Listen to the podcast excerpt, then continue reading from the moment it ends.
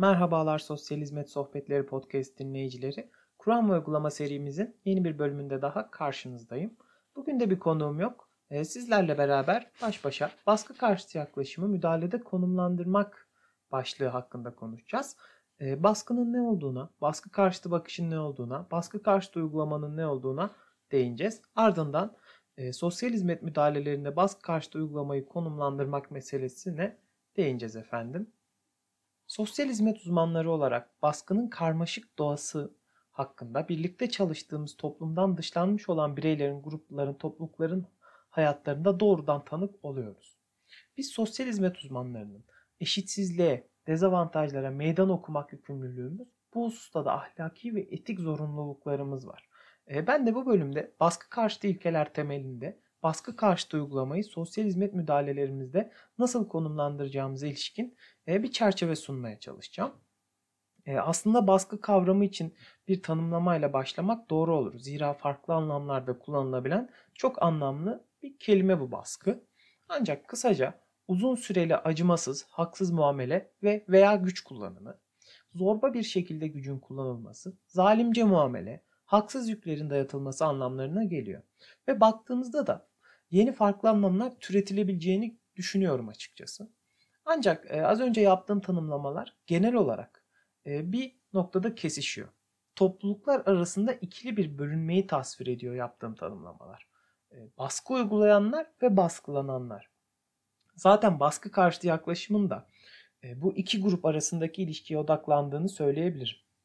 Baskıyı nispeten e, tanımlayabilsek de aslında nasıl işlediğini, nasıl yaşandığını, nasıl doğduğunu yahut nasıl ortadan kaldırılacağını tanımlamak kolay ve e, burada birkaç cümleyle yapılabilecek bir iş değil. Ama e, kolay olsun veya olmasın biz sosyal hizmet uzmanları olarak eşitliğin ve sosyal adaletin savunucuları olduğumuzu göz önünde bulundurmalıyız. Baskıyı ve onu yeniden üreten dinamikleri anlamadığımız sürece birlikte çalıştığımız müracaatçıların topluma yeniden uyum sağlamalarına yardım ederken veya kendi yaşamları üzerinde daha fazla kontrol sahibi olmalarına yardım ederken farkında olmadan doğrudan veya dolaylı olarak onlara baskı uygulayabileceğimizin farkında olmalıyız. Baskıyı doğurabilir, var olan baskı unsurlarını besleyerek müdahalelerimizin arka planında ulaşmak istediğimiz sosyal adaleti ve eşitliği baltalayabiliriz. Bu nedenle baskı karşıtı yaklaşımı tüm müdahalelerimizde bir arka plan olarak konumlandırmalıyız. Müdahalelerimizi planlarken bir de baskı karşıtı yaklaşım penceresinden bakabilmeliyiz. Baskının ne olduğuna ve bir sosyal hizmet uzmanları için neden önemli olduğuna kısaca değindik. E, bir de bu sürekli duyduğumuz baskı karşıtı bakışın ne olduğuna bir bakalım. Baskı karşıtı bakış, sosyal ilişkilerin değişen, karmaşık kalıplarına dayanan dinamik bir süreç ve bu bir hayli amorf, şekilsiz ve dönemin söylemlerine ve sosyal ağlarına uyum sağlaması gereken e, bir kavram. Dolayısıyla tanımlama yapmak da bir hayli güç oluyor. Ama Clifford'un bir tanımı var ki baskı karşıtı bakışı çok güzel özetliyor bence. Clifford'a göre baskı karşıtı bakış özellikle ırk, sınıf, cinsiyet, engellilik, cinsel yönelim, yaş ve benzeri sosyal bölünmeleri geniş sosyal yapının meseleleri olarak aynı zamanda kişisel ve örgütsel meseleler olarak inşa eden açık bir değerlendirici pozisyonu belirtmek, anlamlandırmak eyler yalnızca açık veya örtülü ya da dolaylı olarak ırkçı, sınıfçı, cinsiyetçi ve benzeri olabilen bireysel ve ya örgütsel davranışlarla ilgili olarak değil, aynı zamanda daha geniş sosyal yapılarla, örneğin sağlıkla, eğitimle, ekonomiyle, medyayla, kültürel sistemlerle ve bunların yerel, ulusal ve uluslararası düzeylerde güçlü gruplar için rutin hizmet ve ödül sunumu ile ilgili olarak da gücün kullanılması ve kötüye kullanılmasını anlamak anlamlandırmak faaliyeti olarak ifade ediliyor. Tanım aslında kısmen karmaşık. Ancak aslında basit tabirle baskı karşıtı bakışın baskı uygulayanlar ve baskılananlar ki bu durumda dezavantajlı gruplar diyebiliriz baskılananlara. Çarpık güç ilişkilerini anlamak, anlamlandırmak olduğunu söyleyebilirim. E, tanımdan anlaşılacak bir diğer nokta da birey, aile, gruplar toplum, organizasyonel ve yapısal düzeylerin birbirini karşılıklı olarak etkilediği ve sosyal gerçekleri şekillendirdiği noktası var. Peki bu baskı karşıtlığını nasıl baskı karşıtı uygulama olarak sosyal hizmet müdahalesine yerleştiririz? Clifford güçlendirici bir sosyal hizmet müdahalesinin temelini oluşturacak baskı karşıtı değerlendirme ilkelerini e, teorize etmiş ve 1995 yılında bunları kaleme almış. Sosyal hizmet müdahalelerimizin baskı karşıtı niteliği olması için Clifford'a göre müdahalelerimizi bu maddeleri göz önünde bulundurarak uygulamalıyız. Birinci ilke sosyal farklılık. Sosyal farklılıkların e, farkında olmamız gerektiğini söylüyor Clifford. Sosyal farklılıklar baskın veya baskılanan sosyal gruplar arasındaki güç eşitsizlikleri nedeniyle ortaya çıkıyor. Sosyal farklılıkları doğuran güç eşitsizliklerinin nedenleri ırk, cinsiyet, sınıf, cinsel yönelim, engellilik ve yaş olarak tanımlanıyor ama e, tabi bunu artırabiliriz. İşte din, e, doğulan bölge, akıl sağlığı, tek ebeveynlilik e, gibi e, özellikler maalesef çarpık güç ilişkilerini doğuran kişilerin baskılanmasına neden olan özellikler olarak tanımlanıyor Clifford tarafından. E, ikinci ilke kişisel olanla politik olana bağlantı kurma. E, kişisel biyografiler daha geniş bir sosyal bağlama yerleştirilmeli diyor Clifford. Bireyin yaşam durumu, aile, akran grupları, organizasyonlar ve topluluklar gibi sosyal sistemlerle ilişkili olarak görülmeli. Örneğin yaşlanma ile ilgili bir sorunu düşünelim. Ee, yaşlanma ile ilgili sorunlar yalnızca e, kişinin benliğine, bireye bağlı mıdır? Tabii ki değildir. Bireyin içinde bulunduğu sosyal çevre içinde var olan yaşçı ideolojiler, politikalar, uygulamalarla ilişkilidir. E, bu hususta e, bireyin ırkından dolayı örneğin bir e, sığınmacıyı düşünelim. Irkından dolayı ayrımcılığa maruz kalıp baskılanıyorsa bu aslında ülkenin göç politikalarıyla da doğrudan ilgilidir. E, üçüncü ilke gücün ta kendisi. E, güç yaşamın kamusal ve özel alanlarını keşfetmek için kullanılabilen sosyal bir kavram. Uygulamalarda gücün kişisel ve yapısal düzeylerde işlediği görülüyor. Sosyal, kültürel, ekonomik ve psikolojik faktörlerden etkileniyor bu güç. Bireylerin ve grupların kaynaklara ve iktidar konumlarının nasıl farklı iletişim kazandıklarına ilişkin herhangi bir analizde tüm faktörlerin hesaba katılması gerekir. E, dördüncü ilke tarihi ve coğrafi konum. Bireysel yaşam deneyimleri ve olaylar belirli bir zaman ve mekanda cereyan eder. Bu husus e, değerlendirmelerde, baskı karşıtı değerlendirmelerde özellikle e, göz ardı edilmemeli. Böylece bu deneyimlere hakim fikirler, sosyal gerçekler ve kültürel farklılıklar bağlamında anlamlar verebiliriz. E, bu noktada e, sizden bir ricam var. Google'a bir Kronos sistem yazmanızı rica edeceğim. E, bizim sistem yaklaşımında da artık e, zaman bağlamı önemli bir yeri diniyor. Bu tarih ve coğrafi konum meselesini aslında akıllarda oturtabilmek için e, büyük kolaylık sağlayacak. E, tekrar ediyorum. Kronos sistem. Beşinci ve son ilke refleksivite. Refleksivite değerlerin, sosyal farklılıkların ve gücün bireyler arasındaki etkileşimleri nasıl etkilediğinin sürekli olarak ele alınması aslında. Bu etkileşimler yalnızca psikolojik terimlerle değil, aynı zamanda bir sosyoloji, tarih, felsefe ve politika meselesi olarak da anlaşılmalı. Ee, ilkeler bunlar. Bu ilkeleri aslında ayrı ayrı değil, birbiriyle bağlantılı ve örtüşen maddeler olarak ve bir bütünün parçaları olarak görmemiz gerekiyor. Baskı karşıtı ilkeleri gözeten bir bakış açısıyla müdahaleler gerçekleştirmek müracaatçıların yaşamlarını belirleyen karmaşık güç ve baskı meselelerini anlamayı, anlatmayı ve eleştirmeyi sağlıyor. Bu ilkelerin anlaşılması e, bir durumun değerlendirilmesiyle mevcut durumu değiştirmek için gerekli olan eylemin tasarlanması açısından da büyük önem taşır.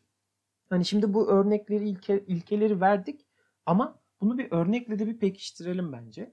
Ee, bahsettiğim sığınmacı hususu. Ee, Suriye'den Türkiye'ye göç etmiş bir sığınmacı düşünelim.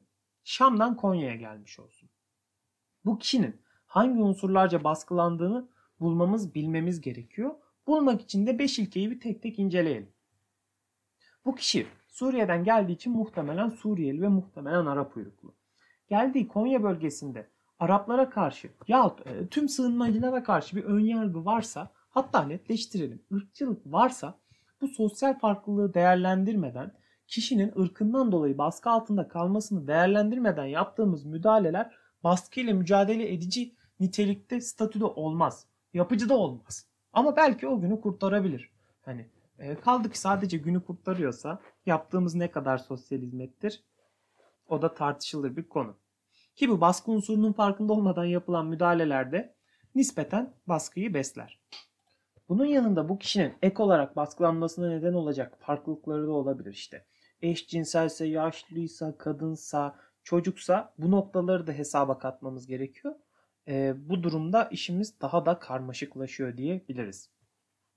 Bir de e, kişisel olanla politik olana e, bağlantı kurma meselesine bakalım. Şimdi bu kişi geldiğinde Türkiye'nin hali hazırda bir güç göç politikası var. E işte göç idareleri var, yapılan faaliyetler var, göçmen sağlığı güçlendirme merkezleri var vesaire var vesaire var.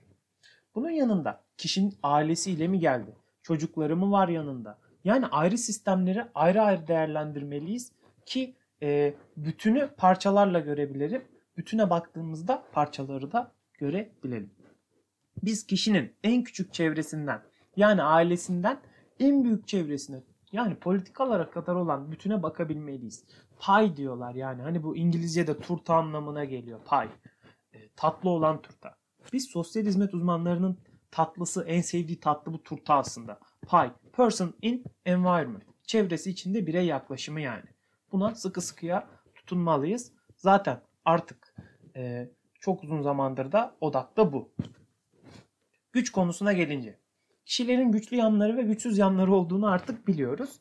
E, gücün baskı olarak kullanılma konusunu da buraya sığdırmak, güç, güçler yaklaşımı o uzun bir konu. Önceki bölümlerimizde güçlendirme yaklaşımını konuşmuştuk. Orada da kısaca zaten bu konuya değinmiştik. Ancak burada da bir örnek verelim. Örneğin e, bahsettiğimiz Suriyeli sığınmacının bir doktor olduğunu ve diplomasının Türkiye'de denkliği olduğunu düşünelim. Bu kişinin güçlü yanı yani mesleği nedeniyle mesleği olmayan bir sığınmacıdan daha farklı. Bakın burada daha az veya daha çok demiyorum. E, bu e, baskıyı az veya çok olarak e, sınıflandırmak da kritik bir konu. Belki doğru olmayan bir konu ama e, farklı baskı unsurlarına maruz kaldığını ve baş etmek için daha farklı kaynaklara belki de daha çok kaynağa sahip olduğunu söyleyebiliriz. Yani e, Türkiye'de e, doktor olan bir sığınmacı ile doktor olmayan bir e, hatta mesleği olmayan diyeyim bir sığınmacının maruz kaldığı baskı unsurları birbirinden çok daha farklı olacaktır. Güç burada önemli. Kişi güçlü yanlarımız, güçsüz yanlarımız var. Bunlar baskıyla doğrudan karşılıklı ilişki halinde. Dördüncü ilke tarih ve coğrafi konu. E, zaten bir göç deneyimi üzerinden gidiyoruz biz bu örneğimizde. Göç süreci kişinin göçünün başladığı ve bittiği yerden mevcut coğrafyadaki iş imkanlarından tutun o coğrafyada o anki söylemlere kadar etkilenir. Şimdi coğrafyanın önemi bu noktada çok net ama tarihin önemi belki birazcık e, görünmez kalabiliyor. Ama bir örnekle onu da izah edebiliriz. Şimdi 21. yüzyılın söyleminden bir örnekle hareket edelim. 21. yüzyıl e, bilgi teknolojileri yüzyılı. Yani bunu herkes ifade ediyor artık. E, göç eden kişinin de bir yazılımcı olduğunu düşünelim. Baskı unsurları değişecek değil mi? Yani e, herkes harıl harıl yazılımcı ararken bu kişinin yazılımcı olması onun aslında e, göç sürecinin daha farklı baskı unsurlarıyla maruz kalmasıyla sonuçlanacak. E, bakın fark ettiyseniz yine güçle kesişiyor. E, zaten az önce de söylediğim gibi bundan, bu maddeler birbirinden tamamen bütünüyle ayrı değil. Bir bütünün parçaları şeklinde oluşuyor. E, son ilke refleksiviteye de bir örnek vererek bu ilkeler başlığını kapatalım istiyorum. E, baskı unsurlarını anlat, anlarken karşılıklı katılımı göz ardı etmemeliyiz. Buna bizden bir örnekle e, başlayalım. E, örneğimizdeki sığınmacı biriyle görüşmelerimizde onun verdiği bilgileri kendi değer eleğimizden ne kadar geçiriyoruz mesela. Kendi sosyal kimliklerimizin ve değerlerimizin topladığımız bilgileri nasıl etkilediğini düşünmemiz gereğini değiniyor bu ilke. Refleksivite kendimizin ve birlikte çalıştığımız müracaatçıların deneyimlediği sosyal dünyayı baskı unsurlarını anlamamızı sağlıyor aslında. Ee, bu ilkeler meselesini kapatıyorum ve baskı karşıtı uygulamaya geçiyorum. Baskı karşıtı uygulamayı da aslında az çok anladık diyebiliriz. E, ama bir çerçeve çizelim. E, sosyal hizmette baskı karşıtı uygulama çeşitli kimlikler arasında eşit, baskıcı olmayan sosyal ilişkileri işlemeyi ve teşvik etmeyi amaçlayan uygulamalardır. Bunun yanında Lena Dominelli baskı karşıtı uygulamanın amacını da şu şekilde tanımlıyor. Kimlik hakkındaki yerleşik gerçeklere meydan okumak aracılığıyla baskı karşıtı uygulama hem çeşitliliği doğrulamak hem de topluluklar arasındaki farklılığı kutlamaya dayalı dayanışmayı güçlendirmek için toplumsal bölünmenin evrenselleştirilmiş biyolojik temsillerinin istikrarını bozmaya çalışır. Yani işi karmaşıklaştırmadan diyebiliriz ki baskı karşıtı uygulama baskıların makro ve mikro düzeylerini analiz eder, karşı çıkar ve sosyal adaleti, sosyal değişimi daha güçlendirici ve özgürleştirici çizgilerle vurgulayan uygulamalar bütünüdür. Baskı karşıtı uygulamanın itici gücü eşitsizliklere meydan okuma eylemidir. Değişim fırsatları meydan okuma süreçleri tarafından yaratılır. Evet, tanımlamaların karmaşık olduğunun e, farkındayım. Çok kapsayıcı olmadığını da, baskı karşıtı uygulamayı tam anlamıyla aktaramadığını da farkındayım. Bu çok geniş bir mesele. Dolayısıyla baskı karşıtı uygulama biraz da aynası iştir kişinin lafa bakılmaz sözüne çıkıyor.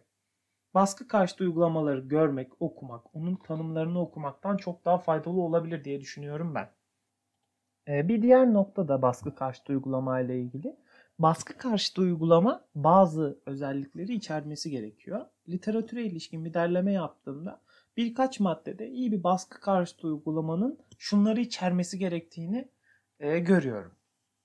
Odaktan kopmaksızın zaman zaman esneklikleri açık olmak, e, baskılanmış birey, grup ve toplulukların bakış açılarından durumu görebilmek, teorik olarak sağlam bir temele dayanmak, mevcut baskı fikirlerini ve uygulamalarını zorlamak, değiştirmek, örgütsel kültürün baskıcı doğasını ve uygulama üzerindeki etkisini analiz etmek, ağ oluşturma, müracaatçı katılımı, ortaklık kavramlarını içeren çok boyutlu değişim stratejileriyle hareket etmek, hem kişisel hem de yapısal olarak baskı konumlarının eleştirel bir analizini yapabilmek diyoruz. Evet, baskı karşıtı bakış açısının bir sosyal hizmet uzmanı için olmazsa olmaz olduğunu görüldüğünü düşünüyorum. E, baskı karşıtı yaklaşıma göre baskı karşıtı olmayan uygulamalar baskıyı destekleyen uygulamalar. E, bu noktada sosyal hizmet uzmanları olarak homofobik olmamamızın, ırkçı olmamamızın yetmediğini görmüş olmamız lazım. E, zaten mesleğimizin bir gereksinimi olarak bunlarla mücadele etmeden, bu baskı unsurlarından muzdarip, bireylere baskı karşıtı bir bakış açısıyla yaklaşmadan yaptığımız müdahaleler ancak e, homofobi, ırkçılığı ırkçılığı besler. Homofobik, ırkçı sosyal hizmet uzmanları meselesine zaten hiç girmiyorum. Kapı dışarı edilmeleri lazım. Şimdi bu ilkelere geri dönerek son bir e, çerçeve özetleme yapmak istiyorum. E, birinci ilkemiz sosyal farklılıkların farkında olmak. Kişilerin özelliklerinin farklı olmasının e, onların baskılanmasına nasıl etki ettiğinin farkında olmalıyız. Baskı karşıtı bakış açısıyla bakabilmek için. İkinci ilke e, kişisel olanla politik olan arasında bağlantı kurabilmeliyiz. E, hepimizin e, politikadan etkilendiğini, bireysel olan her eylemin aynı zamanda politik olduğunun farkında olmalıyız. E, üçüncü ilke güç. Kişilerin güçlü özelliklerini, toplumun bu güçlü özelliklere nasıl yanıt verdiğini, baskının bu güçlere nasıl, güçsüzlüklere nasıl yanıt verdiğini analiz edebilmeliyiz. Dördüncü ilke tarihi ve coğrafi konu. E, kronosistem meselesine tekrar döneceğim. E, bir süreci anlamlandırabilmek için o sürecin geçtiği coğrafyayı bilmemiz, olayın yaşandığı zaman dilimini bilmemiz ve bunların kişilerin üzerinde nasıl baskı unsurları, grupların üzerinde nasıl baskı unsurları oluşturabileceğinin de farkında olmalıyız. Refleksivite dediğimizde de e, bizim aslında e, güç, baskı meseleleriyle nasıl karşılıklı için ilişki içinde olduğumuzu e, bir düşünmemiz ve e, en basit tabirle en küçük e, parçada bizim müracaatçıyı dinlerken e, onun söylediklerinin kendi eleğimizden nasıl geçirdiğimizi bir düşünmemiz lazım. Evet, e, 20 dakikaya yaklaştık. E, baskı karşıtı uygulama çok e, spesifik bir konu. Bu işin uzmanı hocalarımızın oluşturduğu kaynaklar var.